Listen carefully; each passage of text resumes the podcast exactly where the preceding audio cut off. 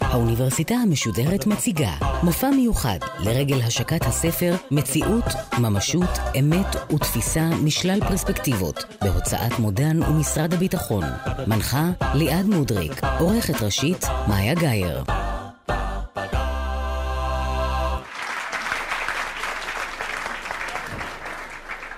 שלום לכם, ערב טוב.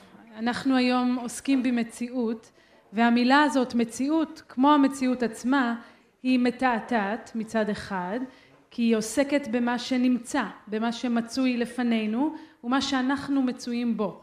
לכאורה אין דבר יותר ודאי מזה. לא פעם גם דורשים מאיתנו להיות מציאותיים כלומר לראות את הדברים נכוחה לא לשגות בדמיונות שווא. אבל מנגד המילה הזו חולקת שורש עם המצאה הפעולה שבה אנחנו בוראים עולם יש מאין לא קיים ויוצרים גם את מה שלא מצוי לפנינו. אז הערב אנחנו נצלול יחד אל המתח הזה שבין הנמצא לבין המומצא בכל מה שקשור למציאות. ננסה להבין איפה ממוקמת המציאות שלנו בין שני הכתבים הללו וכל זה לכבוד ספר חדש מבית היוצר של האוניברסיטה המשודרת המפעל יוצא הדופן אם יותר לי לומר של גלי צה"ל. כותרתו בהתאם לערב שלנו היא מציאות, ממשות, אמת ותפיסה משלל פרספקטיבות. אז מתוך שלל הפרספקטיבות שמציע הספר הערב אנחנו נשמע שלוש. רותי דירקטור תסביר לנו על מעמדה המורכב של מציאות באומנות.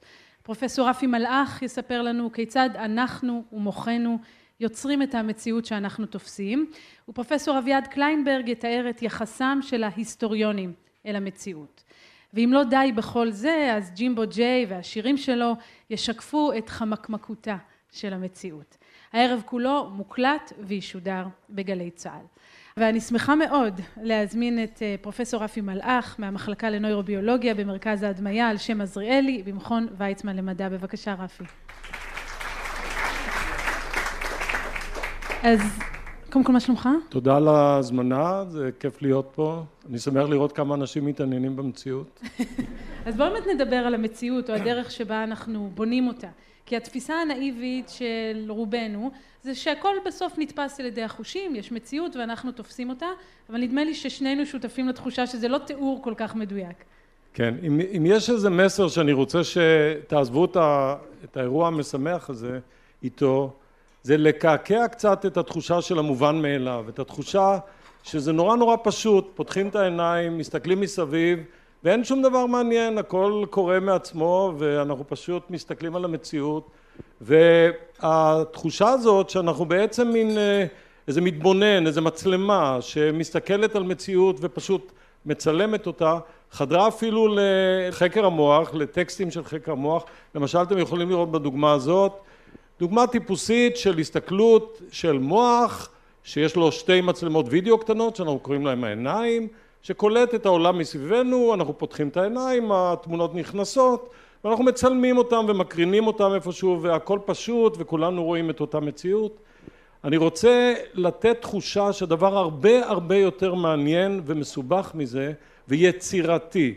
אני רוצה לטעון שבעצם כל התמונות האלה שאנחנו רואים זה מעין סרט, זה מעין הצגה שהיא פרטית לגמרי שלנו, אנחנו יוצרים אותה, אנחנו מחוללים אותה באיזה תהליך מופלא שהמדענים עדיין לא מבינים אותו, שבו תאי העצב שלנו מעוררים אחד את השני ונדבר על זה טיפה, והחוויה הזאת שאנחנו רואים של העולם היא בעצם תהליך מאוד מאוד יצירתי.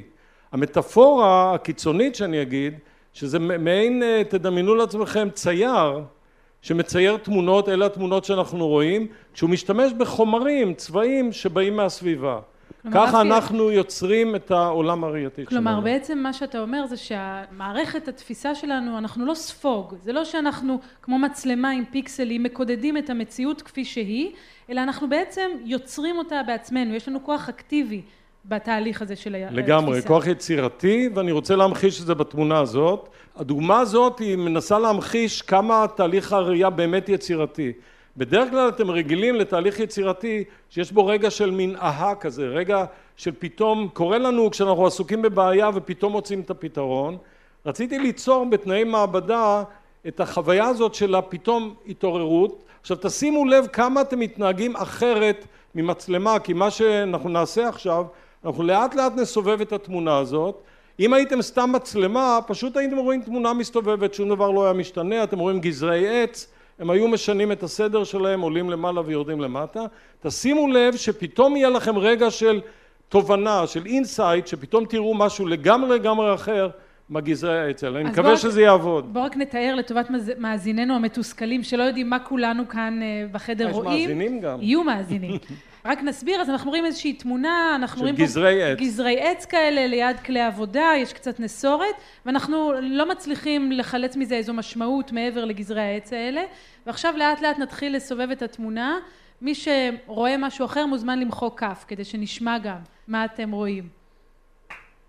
כן, אחד רע. וואו, רק אחד רע? הנה, הנה. והנה הכפיים מגיעות. כמה רואים פה את הצבי או את האיילה? רואים אותה? ואת העלים? פתאום גזרי העץ שבלטו לנו קודם עכשיו הופכים להיות לרקע והאיילה או הצבי היא זאת שבולטת.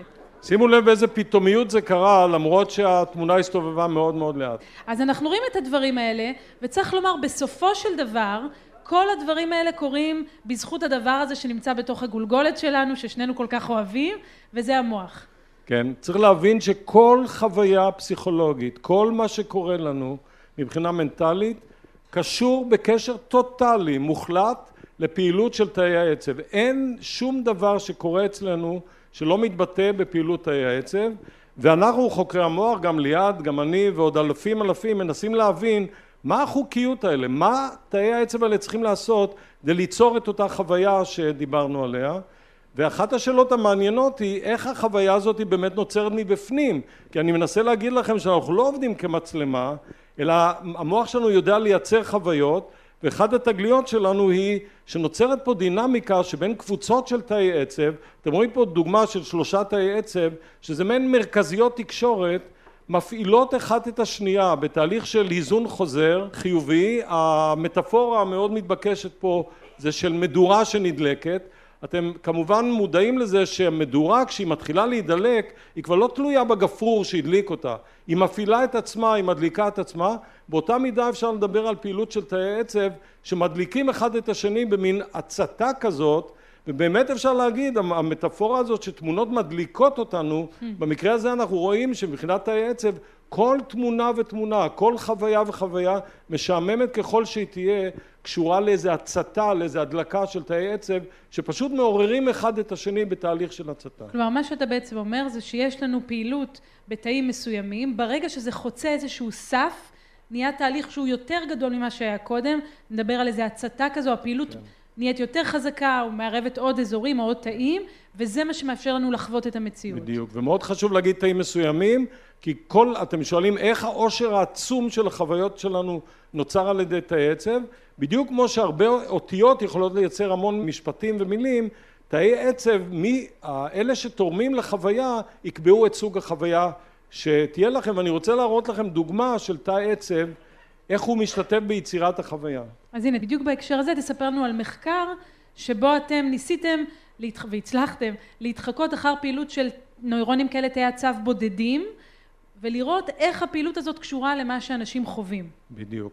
המחקר הוא בסיטואציה מאוד מאוד מיוחדת, נעשה עם פרופסור יצחק פריד שהוא חוק, נוירוכירורג, בתהליך של דיאגנוזה קלינית שלא קשור בכלל למחקר, הנוירוכירורגים נאלצים לפעמים להכניס חוטי מתכת זעירים למוח של החולה כדי לזהות את המוקד האפילפסי. החוטים האלה לפעמים יכולים לרשום או למדוד פעילות של תאי עצב הפעילות של הצורה שתאי עצב מדברים במוח שלכם ושל כולנו הוא על ידי החלפת אותות חשמליים משהו כמו יריות של רובה או של מכונת ירייה כשתא עצב מאוד מאוד מתעורר והוא משתתף בקבוצה שנדלקת אתם תשמעו באמת מין יריות מאוד מהירות ומה שאני רוצה להראות לכם זה פשוט דוגמה מתא עצב אחד במרכז ראייה מאוד מתוחכם במוח של חולה שמסתכל על וידאוים ופשוט עוקב אחריהם ואנחנו נשמע במין יריות כאלה או טקטוקים מה תא העצב שלו עושה. ואני חייבת להגיד אני מקווה שאתם מתרגשים כי זה לא בכל יום שבני אדם זוכים לשמוע פעילות של תא בודד בתוך מוח של אמנם לא שלם או של מישהו אחר, אבל זה באמת מבחינת הסוג והייחודיות של המידע הזה, זה משהו שהוא באמת אה, יוצא דופן. ולכל אחד מכם זה קורה ברגע שאתם מסתכלים על הוידאוים האלה. בהחלט. Okay. אוקיי. אז בואו נראה, אז אנחנו נראה מה החולה ראה.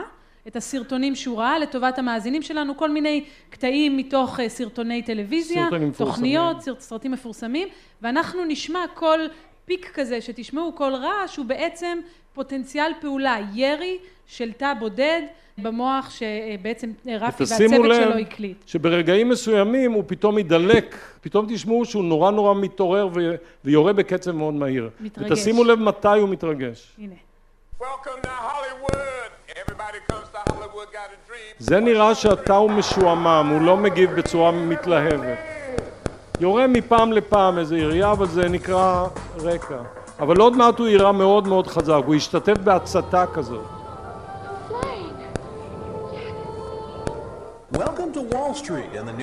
עכשיו מתקרבים.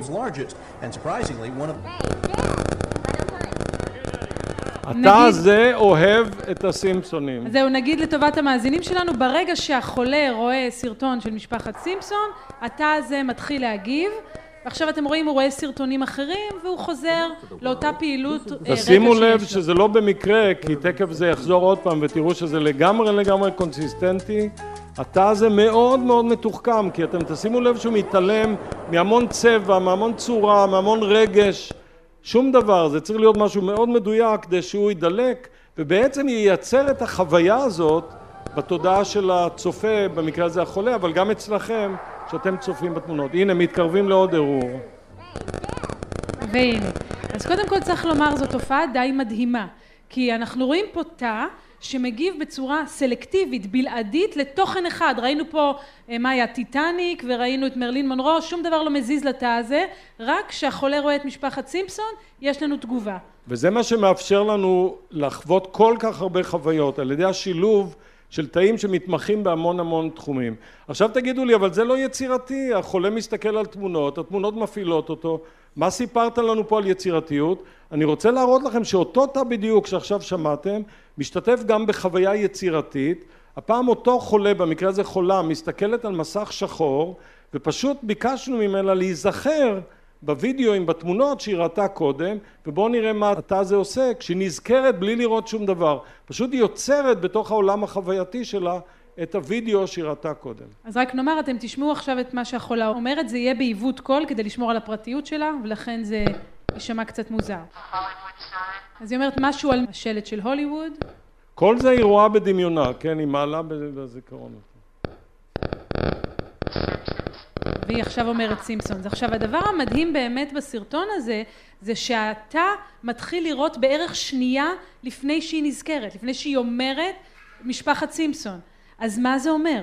טוב, זה כבר uh, תחום לעוד חמש הרצאות, אבל אנחנו חושבים שיש גלים איטיים שקורים במוח ועוזרים לנו להיזכר בדברים מבפנים.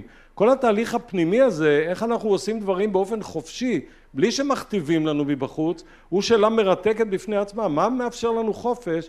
ואנחנו חושבים שיש גלים שעוזרים לנו להחליט ולהתנהג בצורה ספונטנית, גלים ספונטניים. אבל בהקשר הזה, זה מקרה שבו נוצר זיכרון, נוצרה סוג מסוים של חוויה נוצרה כאן, וזה מתוך פעילות מוחית, אין גירוי על המסך. כן, בדיוק. אז רק ל- ל- לסיים את מה שאני מנסה להגיד, הטענה שלי היא שהמציאות הזאת, שכולנו מסכימים עליה, ואנחנו מסכימים עליה מסיבה מאוד ברורה, היצירה הזאת של המציאות אצלנו בתודעה נועדה לאפשר לנו לחיות בעולם, לתקשר, להיזהר כשאנחנו עוברים את הכביש, כל זה, היצירתיות הזאת מאוד משותפת לכולנו, ובגלל זה העולם נראה לנו מאוד מאוד דומה.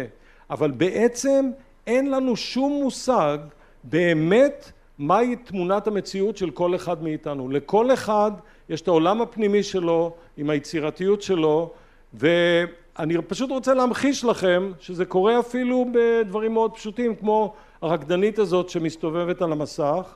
צריך לומר אני... רק לטובת המאזינים, שוב אני דואגת להם.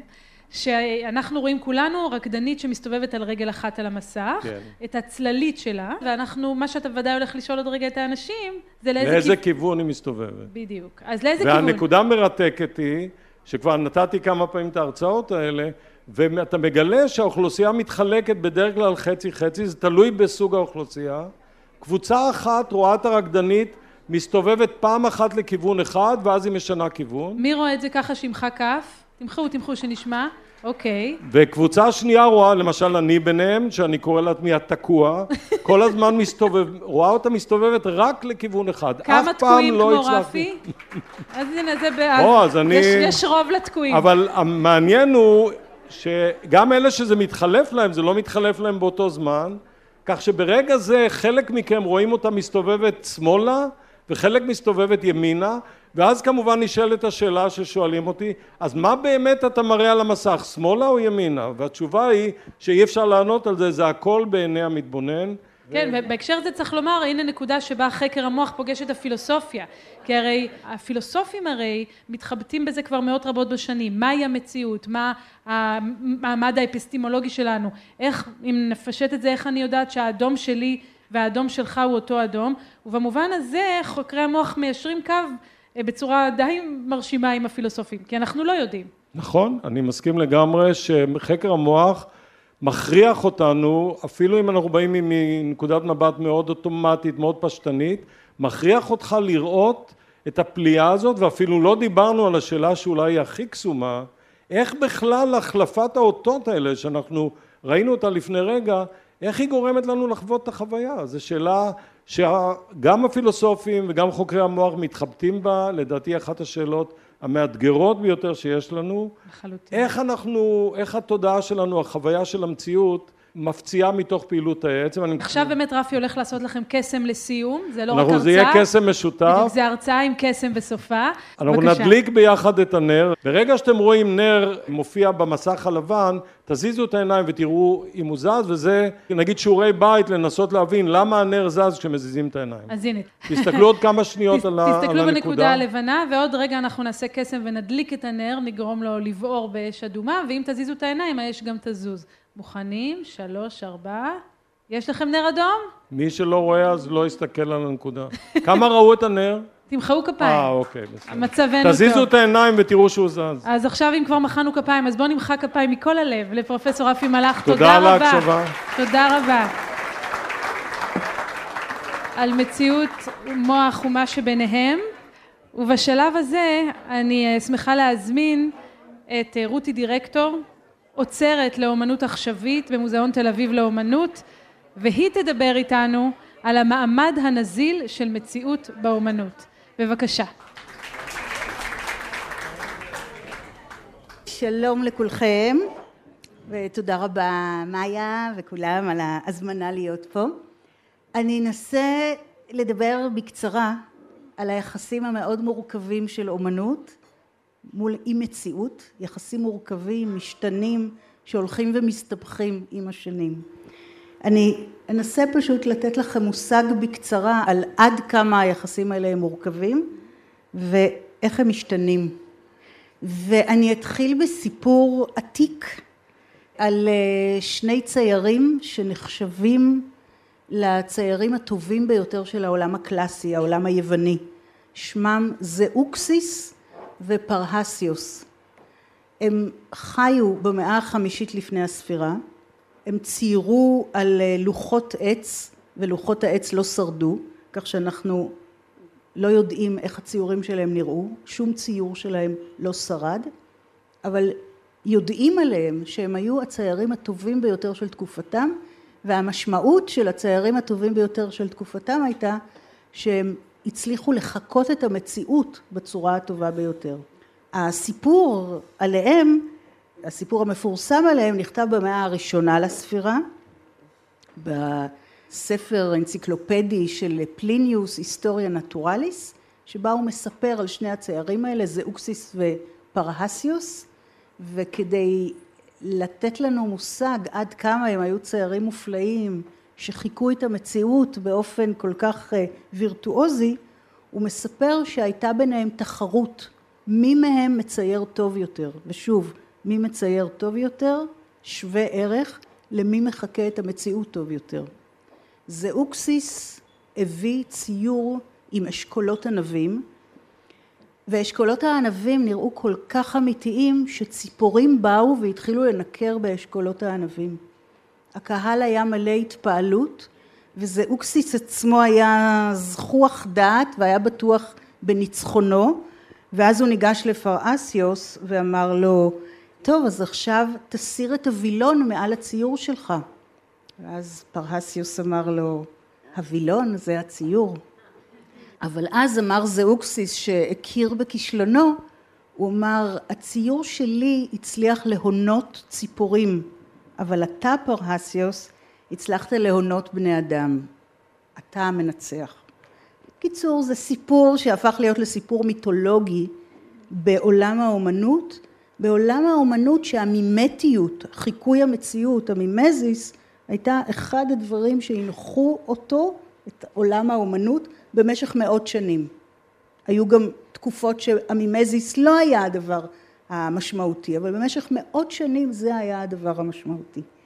אז עם סיפור כזה ברקע עם סיפור מיתי כזה ברקע על איך ציור מצליח להונות בני אדם ומצליח להונות ציפורים הנה עוד דוגמה למין וילון כזה אני רוצה לקפוץ מיד למים העמוקים של האומנות העכשווית שכאמור היחסים שלה עם המציאות מאוד מסוכסכים ומאוד לא פשוטים ולא ישירים אתם רואים פה פסל של אומן שוויצרי שנקרא אורס פישר הוא יליד שבעים ושלוש. הוא עובד בכל מיני אופנים ובכל מיני צורות. מה שאתם רואים פה זה פסל גדול עשוי משעווה שמוצג בביאנלה בוונציה ב-2011 הפסל עצמו שאתם רואים מרחוק שהוא מאוד מרשים אבל הפסל עצמו הוא חיקוי מדויק מאוד של פסל של פסל מהמאה ה-16 ג'מבולוניה. פסל שמתאר סצנה שמופיעה הרבה מאוד בעצם מבוססת על המיתולוגיה הרומית חטיפת בנות הסבינות. פה אנחנו רואים את הפסל המקורי של ג'מבולוניה שנמצא בפירנצה שמתאר תיאור דרמטי מאוד של חטיפת בנות הסבינות ואורס פישר עושה מאמץ גדול מאוד כדי לעשות רפליקה בשעווה של הפסל הברוקי. הפסל הברוקי גובהו היה ארבעה מטר הפסל של אורס פישר גובהו שישה מטר. ולצד הפסל הזה אתם רואים אותו פה מקרוב אני אומרת לכם שזה שעווה אז אתם מאמינים לי אבל אם אתם מסתכלים מרחוק זה יכול להיות בקלות גם שיש כמו הפסל המקורי של ג'מבולוניה אבל זה לא שיש זה שעווה אתם רואים שגם התחתית של הפסל מפוסלת. גם היא בשעווה שצבועה באיזשהו פיגמנט. מול הפסל הגדול הזה עומדת דמות אדם. איש רגיל לגמרי עם ז'קט ידיים בכיסים. אתם רואים שמשהו משונה בו אבל הוא נראה רגיל לגמרי. הוא מסתכל על הפסל הזה ואז אתם מבינים רק כשמתקרבים שכל פסלי השעווה האלה של אורס פישר שנעשים במיומנות טכנית מאוד מאוד מדהימה ומחקים מציאויות שונות הם בעצם נרות. כי בקצה של כולם יש פתיל והפסלים האלה הודלקו בתחילת הביאנלה, הביאנלה נפתחת נגיד ביוני וננעלת בנובמבר, היא נמשכת חצי שנה. הפסלים האלה נועדו לשרוד חצי, כלומר לא לשרוד חצי שנה, אלא לנזול חצי שנה עד שבתום התערוכה לא נשאר מהם כלום. אתם רואים את זה באיזשהו שלב. הפסל המפואר הזה, הפעולת המימזית, המימזית המרשימה הזאת הולכת ונוזלת כפשוטה, פשוט הולכת ונוזלת במשך כמה חודשים באופן שבו הפתיל בוער ובסוף כל מה שנשאר זה חלק, חלקים נוזליים, חלקי שעווה נוזליים. גם האיש עצמו שהוא בעצם נר אחד גדול הולך ונוזל וכשמסתכלים על איש נוזל זה נהיה פחות ופחות נעים ומול האיש הנוזל הזה יש עוד אובייקט אחד שהוא היה חלק מהמערך של התערוכה הזאת כיסא משרדי על גלגלים שגם הוא פוסל באותה צורה באותה טכניקה של שעווה וגם הוא היה בעצם נר שהלך ונזל. אז עוד משהו היה בהעמדה המסוימת הזאת של אורס פישר, שהיה מצד אחד רפליקה, העתק של פסל ענק, מיתולוגי, דרמטי, מהמאה ה-17, הייתה דמות של גבר שהיא כאילו הרגיל בגברים, כל גבר, והיה גם כיסא, גם הכיסא הסטנדרטי ביותר, שאצל אורס פישר הכיסא המשרדי הזה תמיד מסמל את הפועל המודרני, איש המשרדים או אשת המשרדים, ללא היררכיה ביניהם, כולם שווים באותו אופן, ונוזלים. ואם זה נראה לכם אה, קיצוני או מערער או מעלה שאלות, מה האומנות רוצה ביחס למציאות? מה העניין שלה בכלל עם המציאות? האם היא מלגלגת אל המציאות? האם המציאות היא איזה חומר אה, שאיתו רק אה, יוצאים לדרך והדרך לוקחת למקומות אחרים לגמרי? אז אני אראה לכם עוד דוגמה ששומטת את המציאות לגמרי מתחת ל... לרגלי כל המשחקים בעולם האומנות, וזאת העבודה של מרטין קריד, שהוא אומן בריטי, יליד 65, שב-2008 הוזמן להציג בטייד בריטן בלונדון. הוא הוזמן להציג בחלל מאוד מסוים, זה גלריות שבדרך כלל משמשות לפיסול, לפיסול נאו-קלאסי. אתם רואים כאן את החלל הזה, פסלים בדרך כלל מברונזה או משיש, תמיד דמויות אדם, פיסול של דמויות אדם. אלה פסלים למשל שיש בגלריה הזאת של קנובה, שלושת הגרציות, אז גם נושאים מיתולוגיים, פסלי שיש, יפים, דמויות אה, אנושיות יפות, מפוסלות בטכניקה מסורתית פיסולית שמעוררת התפעלות מהמימד המימטי שלה, איך שהיא מחקה את המציאות, או למשל גם רודן, גם הנשיקה של רודן, מוצגת בדרך כלל בגלריות האלה. מרטין קריד כשהוזמן להציג שם, הדבר הראשון שהוא עשה הוא פינה את כל הפסלים היפים המקסימים האלה, הקלאסיים, הנאו-קלאסיים, פינה אותם מהגלריה, רוקן את הגלריה לגמרי, ואמר לעצמו זאת גלריה שהפרופורציות שלה הן קצת מסדרוניות והיא נמשכת לאורך 80 מטר. 80 מטר זה כמעט כמו מסלול ריצה של 100 מטר, שזה מסלול הריצה הקלאסי של ריצה קצרה, ואז הוא אימן רצים חצי מקצועיים, שרצו במהלך ארבעה וחצי חודשים של התערוכה, מקצה אחד של הגלריה לקצה השני. ההוראות היחידות שהוא נתן להם זה לרוץ בשיא המהירות, כאילו חייהם תלויים בזה. וכך הם רצו, אחד מהקצה האחד של הגלריה, וכל חצי דקה רץ אחר רץ מצד אחר. כשמה שמרטין קריד אמר לעצמו, ואני מציעה את זה לכם כאפשרות למחשבה, הוא אמר, מה כל הפסלים הקלאסיים והנאו-קלאסיים האלה רוצים? הם רוצים להעביר את התחושה של הגופניות, של גוף האדם, גוף האדם בתנועה, הגוף הדינמי, החי, החיוני, המתנועע, המתנשק, החוטף, כל הדרמות שפסלים לאורך השנים ניסו להעביר. אמר, אבל רגע, למה אני צריך להשתמש בייצוגים של המציאות, כשאני יכול להביא את האדם עצמו, את הגוף עצמו? וככה במשך ארבעה וחצי חודשים, במהלך כל שעות הפתיחה של המוזיאון, שזה נגיד מ-10 עד 6, רצים רצו הלוך ושוב בגלריה הריקה והנכיחו את הגוף שלהם, שזה הדבר הכי מציאותי. לא צריך ייצוג ציורי ולא צריך ייצוג פיסולי ולא צריך ייצוג צילומי ולא קולנועי, אלא פשוט הגוף עצמו בתנועה, בשיא החיוניות ושיא הדינמיות. עוד דבר שהוא אמר לגבי העבודה הזאת, כששאלו אותו, אוקיי, מאיפה איך נולד הרעיון הזה?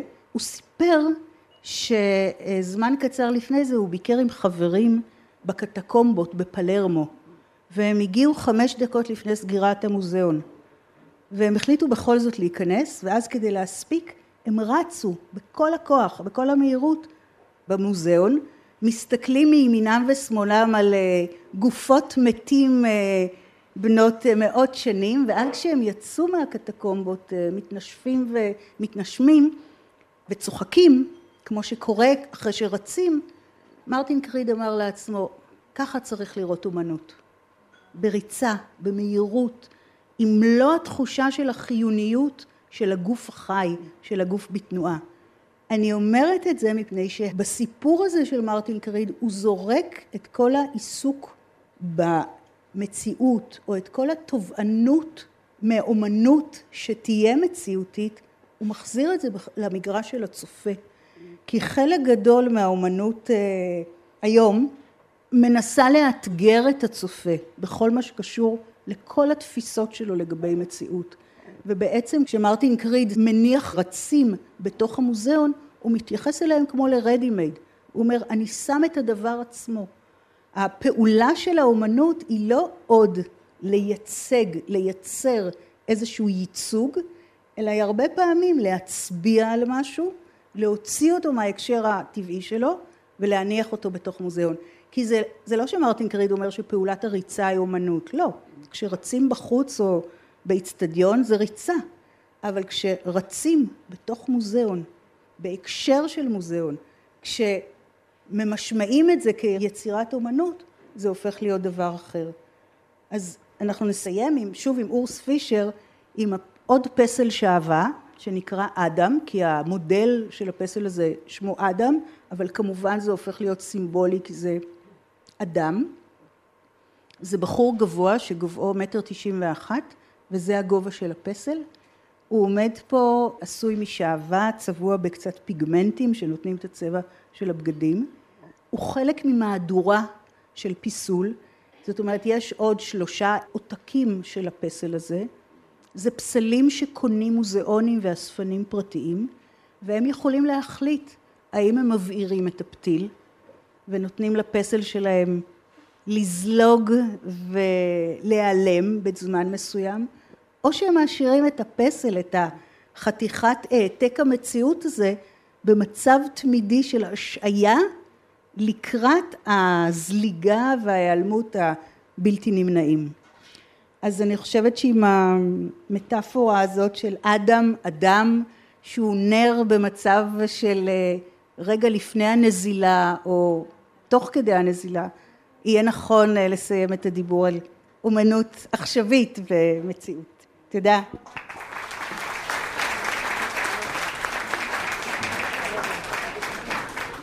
תודה רבה.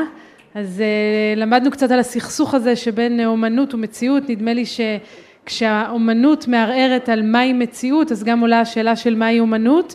מה שבטוח זה שאומנות ומציאות יכולות לדור בכפיפה אחת, בוודאי גם במוזיקה, וזה מה שאנחנו נשמע עכשיו. אז אני שמחה מאוד אה, להזמין אל הבמה, למעשה הם כבר עולים עליה ברגע זה ממש, את ג'ימבו ג'יי, עם השיר הראשון, ואנחנו נשמע שניים אפילו, אז יהיה לנו, יהיה לנו כיף. תודה. תודה לך, ערב נפלא ונהדר. אז את השיר שנבצע עכשיו אני כתבתי כשאני וההורים שלי ראינו את אותו אירוע בצורה אחרת לגמרי. הוא גם עוסק בהתבגרות, בנטייה של ההתבגרות הזו להעמיד במבחן את זיכרונות הילדות שלנו, את העמדות שלנו לגביהם. וכך הוא הולך.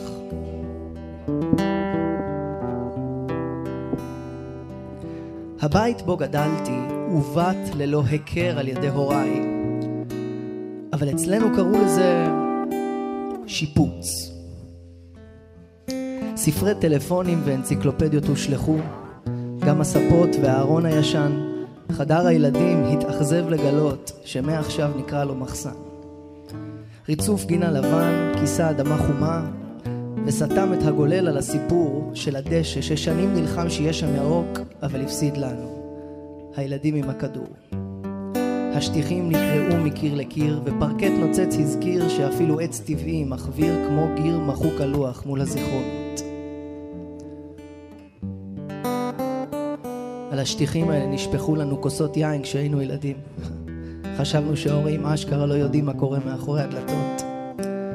מה נשאר? תמונות סטילס דהויות שבקושי מזכירות לי מה היה לפני שהפרדנו את עצמנו מהשכנים. אבל אצלנו קראו לזה גדר חיה. שלב אחר שלב טיפסנו למטה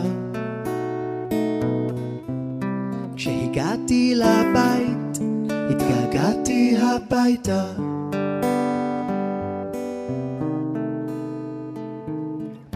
הבית בו גדלתי נעלם. אני פשוט עמדתי שם ולא אמרתי שום דבר. והיה מה לומר.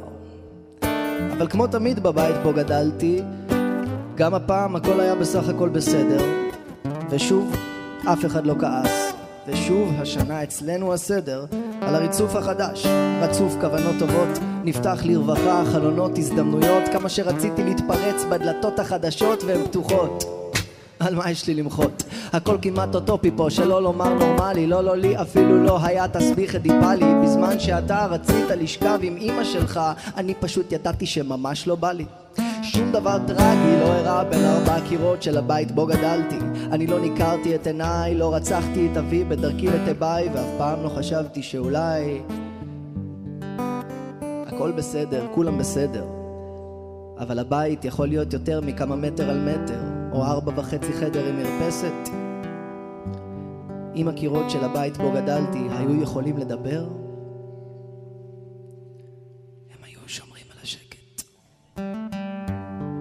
שלב אחר שלב. טיפסנו למטה. כשהגעתי לבית התגעגעתי הביתה. שלב אחר שלב. טיפסנו למטה. כשהגעתי לבית התגעגעתי הביתה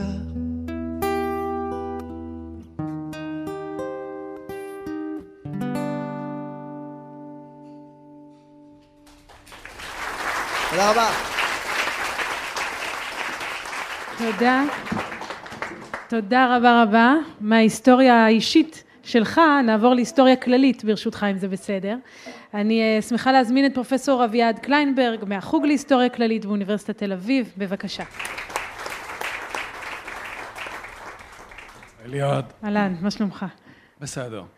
אז תשמע, אנחנו מדברים על מציאות, ונדמה לי שלכאורה לפחות ההיסטוריה זו התכלית שלה, לספר לנו על המציאות לא כפי שהיא היום, אלא כפי שהיא הייתה. זו ההגדרה באמת? תראו, ההיסטוריה נעה בין שני סוגים של, של שיח. השיח האחד זה שיח של זיכרון ותיעוד. לכאורה ההיסטוריון הטוב ביותר הוא עד הראייה, הוא רואה, או לא משנה, קיבל את תיאורים ממישהו ש, שראה, והוא מדווח על זה בדיוק הגדול ביותר. זה לכאורה ההיסטוריה הטובה ביותר, שהיא הקופי האמיתי של המציאות. אני רגע בעת... עוצרת אותך, אבל כי שמענו הרגע מרפי מלאך שעד הראייה, כשהוא רואה, הוא יוצר מציאות בעצמו, אז גם עד הראייה אולי הוא לא העדות המהימנה ביותר למה שהיה. אוקיי, okay, הנה החלק השני של מה שהתחלתי להגיד, זה שהחלק השני של ההיסטוריה, זה שההיסטוריה היא תמיד פיקציה. ההיסטוריה היא תמיד להמציא סיפור, ההיסטוריה היא לא סתם להמציא סיפור, היא להמציא סיפור בעל משמעות בשביל קבוצה מסוימת. משום שההיסטוריון מסתכל על המציאות, נגיד ככה, והמציאות מכילה אין סוף רעשים. והשאלה, מה חשוב, מה משמעותי, מה ראוי להיזכר, מהם הדברים הראויים להיזכר, הן שאלות שבסופו של דבר הן שאלות תרבותיות, הן שאלות חברתיות, הן שאלות דתיות לעיתים קרובות. יש תיאור יפה של הירונימוס, אה, אחד מאבות הכנסייה, שאומר, באותם שנים דיכאו בישופים אריאנים את כנסיית האלוהים. מעשיהם בל ייזכרו כי הם היו אויבי המשיח. עכשיו הרעיון הזה של מה לזכור, אנחנו תמיד נעים בתוכו. בין מצד אחד הרצון להגיד, תראו, אני לא סתם מדבר, זה לא fiction, אני היסטוריון, זה non-fiction, אני מספר לכם את הדברים כפי שהיו, תראו, בסוף מלחמת העולם השנייה, מי שניצח זה בעלות הברית ולא הנאצים. לבין הצורך שלנו, תמיד, להמציא סיפור שיש לו משמעות, והסיפור שיש לו משמעות הוא תמיד משהו קריאטיבי, משהו יצירתי, ולכן, כמו שאת יודעת, מדור לדור, למרות שהעובדות לכאורה לא משתנות, אנחנו מספרים סיפור שונה לחלוטין של מה שהיה, כי הצרכים שלנו משתנים. אז תכף ננסה אולי לתת כמה דוגמאות לסיפורים שהשתנו לאורך ההיסטוריה, אבל אני רוצה עוד רגע להתעכב על הרעיון הזה של היסטוריה כפיקציה, כי הרי מוכרים לנו אותה, וזה הכוח שלה, כדבר המנוגד לפיקציה. אם אריסטו נגיד דיבר על השירה או האומנות, כי מישהו רוצה לומר, לתאר איך המציאות הייתה צריכה להיות, ההיסטוריון אמור לתאר לנו איך המציאות הייתה. אז זו משימה בלתי אפשרית, כי ההיסטוריון תמיד רואה את המציאות דרך העיניים שלו. אני חושב שמה שרפי אמר קודם הוא משמעותי בכל המובנים. זאת אומרת, נעזוב לרגע את אריסטו ושתי תזכורות. התזכורת האחת זה מה שאומר אפלטון, המורה של אריסטו, הוא אומר על מה זה תהליך הזיכרון. מה זה הזיכרון? הוא אומר בעצם באיזה אופן אנחנו מה שהיינו. מה קורה כאשר אנחנו זוכרים? הרי כל יום אנחנו משהו אחר. אנחנו קמים בבוקר, אנחנו לא מה שהיינו אתמול. תאים משתנים, המחשבות משתנות, השיער משתנה, יש לנו דברים שלא היו קודם. אני בן אדם שעכשיו חווה את החוויה של השיחה איתך, ואני לא אותו בן אדם, אני בן אדם אחר לגמרי. כל יום אומר אה, אפלטון, אנחנו בן אדם אחר. וכל יום, מה הדבר שבכל זאת ממציא או מאפשר לנו להגיד, אני האביעד שהייתי אתמול. העובדה שאני ממציא בעצם את האביעד שהיה אתמול. אני זוכר, והזיכרון הזה תמיד הוא זיכרון, הוא תהליך קריאטיבי. אז יש לנו צד אחד שזה תמיד איזשהו זיכרון שהוא בעצם, כמו שאמרנו, המצאה. הביטוי הלטיני, אינבנציו, היא באמת שני הדברים האלה. אינבנציו זה למצוא ולהמציא, בעת ובעונה אחת. הדבר השני, זה, שוב, ממה שרפי אמר, נכון שאנחנו עוסקים בפעילות יצירתית. דא עקא שהפעילות היצירתית הזאת, שיש לנו, בכל זאת מתברר שמאפשרת לנו למצוא מכנה משותף גדול ביותר. כי אתם לא ידעתם אם הרקדנית שלכם רוקדת ימינה או שמאלה, אבל כולכם ראיתם רקדנית. אתם לא ידעתם אם דברים, הדבר הזה, אפשר להגיד, הוא קר או חם, ואם הדבר הזה הוא בעל חשיבות או לא. אבל כולכם כרגע רואים בקבוק, ורואים אותי מחזיק את הבקבוק הזה. עכשיו, אני חושב שההיסטוריון אומר, תראו, אני מספר לכם את הסיפור שעליו אתם יכולים להסכים, ואני נותן לכם אותו בדרך שאתם יכולים לשאול את עצמכם, אוקיי, אביעד, סיפרת לנו סיפור שאנחנו מסכימים עליו, אבל עכשיו סיפרת אותו בדרך שאפשר לספר אותו גם אחרת. וכל דור מספר אותו אחרת. כי אנחנו בעצם, אה, אני מנסה לתחום אולי את גבולות המציאות וההמצאה בתוך ההיסטוריה. כי אנחנו חיים במין עידן כזה של fake news, שזה הפך להיות מילה שכולם אוהבים לדבר עליה, אבל בכל זאת יש איזו כמיהה לעובדות. אז, אז אולי נגיד ככה, ההיסטוריה קודם כל מוגבלת, מקום ההמצאה שלך מוגבל על ידי העובדות שלהן אתה מחויב, או שגם בעובדות יש המצאה? יש תמיד המצאה, וזה שוב אני חוזר לזה, כמו מה, שאנחנו, מה שקורה בתהליך, בדרך שבה המוח שלנו עובד. אף אחד מאיתנו לא רואה בדיוק את אותו סוס, ואף אחד מאיתנו לא רואה בדיוק את אותו בקבוק. ואם ננסה להגיד, אבל מה באמת אתה רואה, תהיה לנו שאלה. אבל אם אני אגיד שהדבר הזה הוא סוס, אתם תבינו שאני מדבר על משהו אחר. עכשיו, אני חושב שאני ממציא. עכשיו, אני חושב שתהליכו, ההתחייבות של ההיסטוריון, ולכן ההיסטוריון לא יכול להיות במובן העמוק לעסוק בדקונסטרוקציה, במובן האמיתי. יש איזשהו דבר שהוא מסכים עליו. עכשיו, מה זה הדבר הזה? אני שוב רוצה להדגיש שהדבר הזה זה לא מישהו שההיסטוריון יודע מה באמת יש בעולם. אין להיסטוריון יכולת להגיע לאונתולוגיה. אבל ההסכמה, או כמו שההיסטוריונים אומרים, הקונסנזוס של המומחים, הקונסנזוס של עדי הראייה. אם כולנו מסכימים על דברים מסוימים, הדברים האלה אנחנו קוברים אותם לפעמים בפוטנוט שלנו, במקומות שבהם אנחנו כותבים, ועכשיו אתם יכולים לבדוק.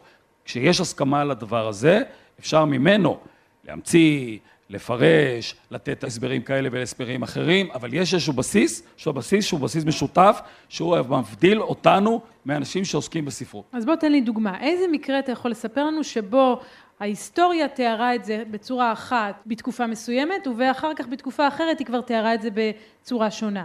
האמת שכמעט אין... אתה אומר, כל, כל הסיפורים לא, סיפורים כל, כאלה. כל סיפור היסטורי כמעט, כמעט בצורה הזאת, החל מן העובדה שכולנו יודעים שההיסטוריה נכתבת על ידי המנצחים. גם הדבר הזה, זה נראה לנו כאילו דבר שהוא חד פעמי. זאת אומרת, העובדה, אנחנו ניצחנו, מישהו ניצח וזהו. אבל הדור הבא יכול בהחלט להחליט שהניצחון הזה היה ניצחון פירוס, שיש משהו אחר שצריך להבין אותו בצורה אחרת. עכשיו בואו ניקח את הדוגמה הקלאסית, אה, בזמן האחרון התחלתי לנהל בהיסטוריה ביזנטית, כן?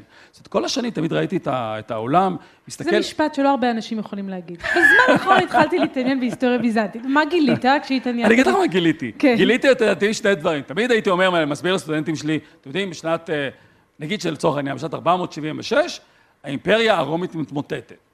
עכשיו, אתם, אני מקווה שאתם יודעים שהאימפריה הרומית לא מתמוטטת. מתמוטטת האימפריה הרומית המערבית, וגם היא לא בטוח מה מתמוטט. הקיסר הרומי המערבי האחרון הולך. עכשיו, בבת אחת פתאום אני אומר, תראו, נזכרתי בעצם, תוך כדי הקריאה, שהמילה ביזנטיון זו מילה שהמציאו אותה האנשים ברנסאנס. כן. הם רצו להבדיל את זה בין הרומא האמיתית, שזה הרומא שלהם, לבין הרומא האחר. בעצם, הביזנטים קראו לעצמם רומא, הם היו הרומאים. עכשיו, כל הסיפור שלהם, זה אומר, זה סיפור, לא סיפור של כישלון, הרגע שבו הכל מתמוטט, אלא סיפור של הצלחה. הצלחנו לשרוד את המשבר, עצרנו את האימפריה המוסלמית בשיא כוחה. כל הסיפורים שאתם מספרים לנו על זה שזה היה חצר ביזנטית, מה חצר ביזנטית? אנחנו עומדים בפני המוסלמים, אתם הצלחתם לעמוד בפניהם? אנחנו עומדים בפני פלישות של בולגרים, אנחנו עומדים בפני ההונים, אנחנו הצלחנו לעצור את הכוחות שאתם בשום פנים ואופן לא הצלחתם. אני חושב שהדברים האלה, כל הסיפורים שלנו. כמו למשל סיפור שלנו. הסיפור שלנו, אז תראו, הסיפור הקלאסי זה מרד בר כוכבא. מרד בר כוכבא, למשל, זה סיפור שאנחנו הרבה שנים, נגיד חכמינו באיזשהו שלב לא אוהבים את הסיפור הזה. לא, הסיפור לא מוצא חן ביניהם, נכון שרבי עקיבא הוא דמות שהם מאוד אוהבים, אבל בר כוכבא, או בר כוסבא, או בר כוזיבא, הוא מעין משיח שקר, זה נגמר רע מאוד הסיפור הזה, אז במשך הרבה זמן לא מדברים על זה בכלל. לא מדברים על זה שום דבר. כמו שלא מדברים על מצדה. חכמינו לא אומרים כלום על מצדה. היה דבר כזה, לא יודעים עליו כלום. עכשיו, עברו אי אלו מאות uh, שנים, עברו אלף שנה, בואו ניקח רגע את מצדה ואת סיפור בר כוכבא. כן. נוצר דור חדש, הדור החדש צריך גיבורים, והגיבורים הללו באופן מוזר הודחקו על ידי התרבות שהם מנסים להתכחש אליה, כלומר התרבות של בית המדרש. אז מחפשים, הם רוצים גיבורים שנראים הכי כמו גיבורים של הגויים. והגיבורים של הגויים, למשל במצדה, זה כמו רומאים טובים, מתאבדים, והם לא מתאבדים של הדת, הם לא מתאבדים כי הם הולכים להמיר את דתם, הם מתאבדים כדי להיות בני חורין. עכשיו, שוב, תני לי להזכיר לך את העניין הזה של הסיפור על, על מצדה. אחרי זה נדבר עליהם בר כובע אם את רוצה. הסיפור המצדה מבוסס, כל הנאומים האלה, בעצם אין לנו שום מושג מה קרה שם. זה ברור שזה פיקציה. הרי זה ברור שהשלוש האנשים האלה שנשארו בחיים, פלביוס משאיר אותם בחיים כדי שהוא יוכל לספר את הסיפור. וברור גם שהנאומים של בן יאיר לא נשמעים כמו נאומים של יהודי, אלא נשמעים כמו נאומים של רומאי. זאת אומרת, לצורך העניין, יש לנו פה סיפור שאנחנו רגילים לחשוב עליו. אני נשבעתי על המצדה, על עזאזל, שנית מצדה לא תיפול לכם מסע של 70 מזורה של 70 קילומטר. כן. עכשיו, א', מצדה נופלת, ב', בתוך הדבר, לא דומה, מה שאנחנו זוכרים, לא דומה למה שההיסטוריון היום היה אומר, זה כנראה מה שקרה. ואנחנו כולנו מקבלים את זה כי ההיסטוריונים אומרים לנו, או כי נוח לנו עם הקולקטיב הזה? תראה, לפעמים זה תלוי בהקשר. לפעמים כי ההיסטוריונים אומרים לנו, ההיסטוריונים אומרים לנו, תראו, חשבתי שזה משהו אחד, זה משהו אחר. לפעמים האופנה משתנית, זאת אומרת, הדוגמה הקלאסית מבחינה מסוימת בעולם המודרני זה, בשלב שנת ה-70 יוצא הספר של, אה, של אדוארד סעיד, אוריינטליזם. כן. הספר של סעיד אומר, תשמעו, חלק גדול מהדברים שאתם סיפרתם לנו, האנשים הגדולים ביותר, באמת, איגנץ גולדצייר והמומחים הגדולים ביותר של התרבות המוסלמית, הם סיפרו סיפור מעוות לחלוטין. עכשיו, הם לא המציאו עובדות, אבל תמיד כשאפשר היה להגיד, המוסלמים היו מטומטמים, אמרו המוסלמים היו מטומטמים. כאשר אפשר היה להגיד, האנשים האלו חסרי יעילות, אמרו חסרי יעילות. כשאמרו, לא יכולים ללמוד שום דבר, אין להם תפיסה של זמן, אין להם תפיסה של, של מדע, כל הדברים האלה, אמרו את הדברים. אז זה התפקיד הפרשני של ההיסטוריון. תפקיד פרשני, מה שהטענה שלו זה, במידה מסוימת, זה להגיד, תראו, לא היו פה אנשים שהמציאו, אבל כשהם הציגו את העובדות, הם בחרו מה להדגיש, והעובדות שהם הדגישו, היו תמיד עובדות מסוג מסוים. אז מבחינתנו, הוויכוח הגדול שמתנהל מסביב לאוריינטלים של אדוארד סעיד זה לא האם יש פה המצאה של דברים, אלא האם סעיד, למשל, במקרה הזה, לא לוקח את זה לכיוון ההפוך. זאת אומרת, הוא כל כך אוהב את הסיפור שלכאורה ניסו להדחיק, שהוא יצר קריקטורה בדיוק הפוכה. אז כשהוא כותב את ההיסטוריה של ההיסטוריה, הוא עושה פרשנות שאתה תוקף גם אותה במובן מסוים. כלומר, גם הוא עושה נכון. פה אלמנט של המצאה בתוך המציאות. כולנו ממציאים. כל פרשנות היא בעצם סוג של המצאה. כל פרשנות היא סיפור מחדש, כל פרשנות מבוססת על ההחלטה שלי. קודם כל, החלטה קריטית. לפני שהגענו בכלל לשאלה מה התוצאות הסופיות, זה אני מחליט מה חשוב, מהי האינפורמציה שעליה אני רוצה להסתכל. מה נכנס שוב, ומה נשאר מחוץ לספר. אני אומר לכם שוב, במשך 1,500 או אלפי שנים, זאת אומרת, מאז זה נגיד תחילת ההיסטוריה לצורך העניין, כן? נגיד, במערב זה תמיד הרודוטוס הוא אבי ההיסטוריה. אני מזכיר לכם שגם לפני המערב היו אנשים שכתבו היסטוריה, כן? האנשים שכתבו באכד ובשומר וכולי, כתבו סיפורים היסטוריים. אבל אתה אומר, ההחלטה הזאת, כן, זאת אומרת, של לייצר סוג מסוים של, של היסטוריה, ההחלטה הזאת היא כמובן החלטה שהיא האופי של הז'אנר. מה שאנחנו היום יכולים לעשות, או מנסים לעשות, זה להגיד, רגע, בתוך הסיפור שלך, הרודוטוס, איפה האנשים? כן. איפה הילדים?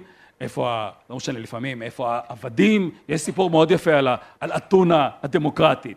אתונה הדמוק... בתוך אתונה הדמוקרטית, עבדים לא מצביעים, נשים לא מצביעות, זרים לא מצביעים, קטינים לא מצביעים, בעלי חוב לא מצביעים, זאת אומרת, זה, זה דמוקרטיה מאוד מוזרה. כשההיסטוריון מחליט שהוא רוצה לספר את הסיפור הזה, הסיפור משתנה.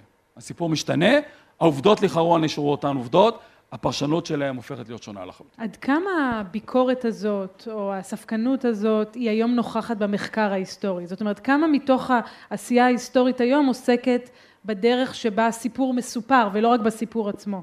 תראו, הייתה פה קודם אה, קריאת ביניים, שהייתה קריאת ביניים מאוד מצחיקה ו- ונכונה, זאת אומרת של כאילו שהדבר הזה הוא בעצם נרטיב, כן? זאת אומרת, הכל נרטיבים. אני חושב שעכשיו יש איזה מין, יש תמיד מטוטלת כזאת. ההיסטוריה נעה בין להגיד, אוקיי, אנחנו שיקוף של המציאות, לבין להגיד כל זה בדיות. ההיסטוריה נעה בין להגיד, אוקיי, בואו נדון דווקא בהיסטוריה של המובסים, או שאנחנו נדון רק בהיסטוריה של המצליחים. אני חושב שעכשיו אנחנו נמצאים ברגע קיצוני של ההיסטוריה, של האמירה, של חוסר אמון בכל נרטיב. זאת אומרת, כל סיפור לכאורה שקר, והסיפור בעצם, הסיפור היחיד שנכון, זה סיפור שבה אנשים מבטאים במידה מסוימת את הכאב שלהם, את הדברים שלהם. לכן היסטוריון לבן לא יכול לתאר שחורים, היסטוריון שחור לא יכול לתאר פולינזים, וגבר לא יכול לתאר נשים, כל הדברים האלה. אני חושב שבתוך, אם אנחנו רוצים לשמור על ההיסטוריה בתור משהו שיש בו גם אלמנטים של מדע, והוא לא פשוט רצף של סיפורים מתחרים שכל אחד מספר מהבטן, אנחנו חייבים להסכים שישנו איזשהו קונסנזוס, והקונסנזוס הוא הזה, מהן העובדות. אז זהו, בדיוק כאן, כי אני כבר בשלב הזה חשה ייאוש מה. כי אני אוהבת היסטוריה, ואני מתייחסת להיסטוריה בתור אמת, ואתה אומר לי, לא, זאת לא אמת, זה נרטיב, והנרטיבים האלה מתחרים, ואני שואלת, א', איך תחלץ אותי מהייאוש, וב', כשאתה מחלץ אותי מהייאוש, מה הקריטריון?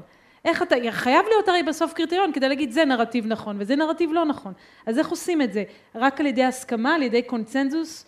לא, אני חושב שיש קודם כל איזשהו שיקוף, כבר אמרתי, כאילו, אם מספיק אנשים רואים בדבר הזה, אם היה בערך 50% מהאוכלוסייה הייתה טוענת שמי שניצח במלחמת העולם השנייה זה היטלר, 50% טוענים שסטלין ניצח, היה פה ספק. אבל אני חושב שרוב האנשים יסכימו לעובדות. מה שהם לא יסכימו זה על הפרשנות של העובדות האלה.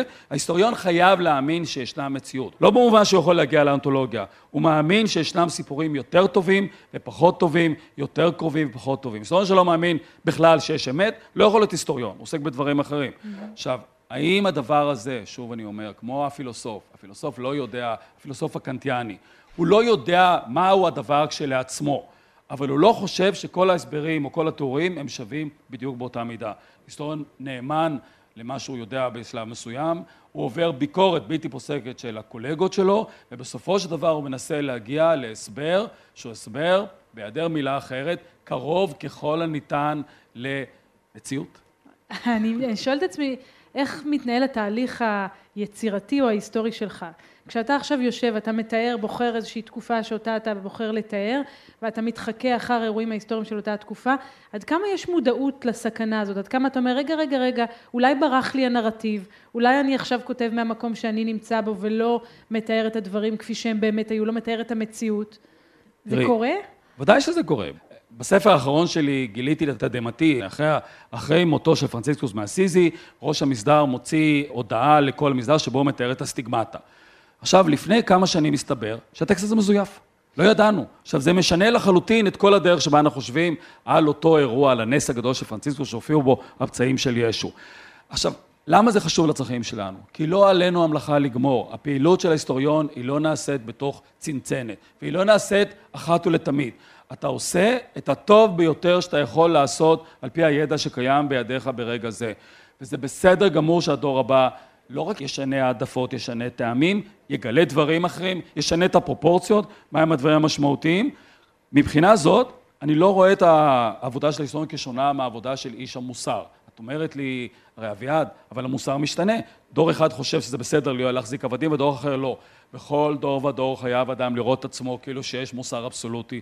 בכל דור ודור הוא פועל כאילו שיש עובדות אמיתיות, ותפקידו הוא לספר את העובדות האמיתיות ולהבדיל מבחינת הקהל ולהגיד עד כאן העובדות, ומהרגע הזה מתחילה הפרשנות שלי. כי מאיזשהו מקום אתה אומר, אם אנחנו נתחיל לפקפק בקיומה של מציאות, אז במציאות. גם אנחנו לא נהיה מצויים בה.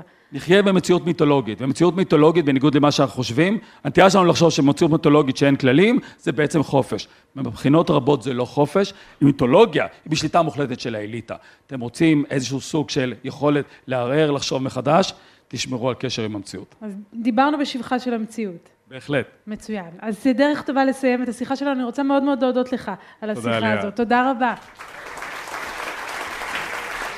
ולפני סיום, תודה. לפני סיום, אני שמחה להזמין שוב את ג'ימבו ג'יי לבמה. בבקשה. יפה מצדכם טוקהאוס. אה, למען אה, מאזיננו, מאזינותינו, נספר שנמצא איתי גם אה, על הבמה הגיטריסט אוריה אצבעות, המקסים באדם וטוב הלב. השיר הבא גם עוסק באופן שבו שפה מבנה מציאות, כמו שקצת דובר פה על בקבוקים שהופכים לסוס קודם, על איך ששפה מבנה מציאות, על איך שהשמות שאנחנו נותנים לדברים מבנים מציאות. ועל הדרך הוא עוסק באדם מול טבע, מרכז ופריפריה, אבל זה כבר לתוכנית אחרת. ככה זה הולך. שני בנים היו לתל אביב. הראשון, נחל איילון. איילון היה ילד טוב. אחיו, נחל הירקון, לא ממש שחה עם הזרם. הוא משך את רוב תשומת הלב. בירקון, הגדות לזוהמה, הילדות למזוודות, הגשרים להיחרב. תל אביב התאכזבה מהירקון שלא הלך בתלם, אז אמרה לאיילון שלא תגמור כמו אחיך, אצלך תנועה תזרום. ואיילון, כיאה לילד טוב, הפך מנחל לנתיב ומאז נגזר עליו לטעון מדרום לצפון, כאן המרכז. זו העיר שהנחילה תבוסה לנחליה ורצה צועקת מאז. בואו לכאן. כאן המרכז.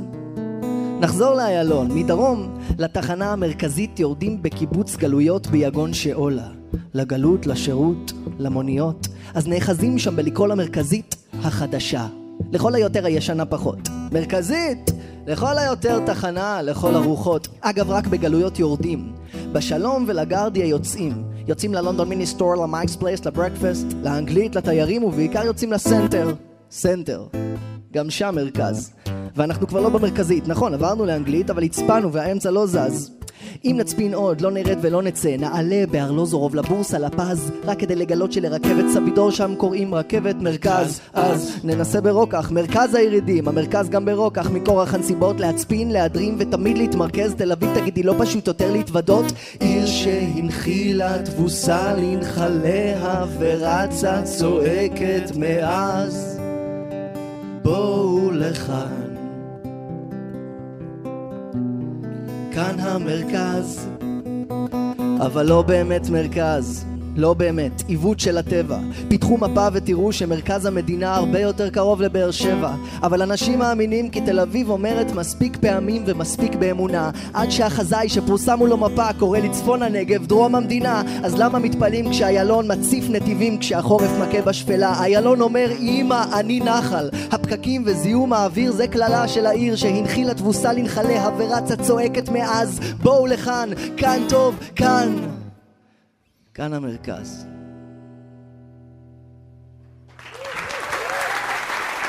תודה רבה רבה. תודה. זהו, אנחנו מסיימים. תודה רבה לכל מי שלקח חלק באירוע הזה, לעורכת הערב ועורכת האוניברסיטה המשודרת מאיה גאייר, האחת והיחידה, המפיקה נעמי שניידר, על הביצוע הטכני מיכאל אבו ואופק פרחי. תודה רבה לכל המשתתפים, רפי מלאך, רותי דירקטור, אביעד קליינברג, ג'ימבו ג'יי ואוריה ויצטון. תודה רבה ל Talk House שאירחו אותנו, ממני ליעד מודריק ומכולנו, לילה טוב ושתהיה לכם תפיסת המציאות הכי טובה שיש. תודה רבה.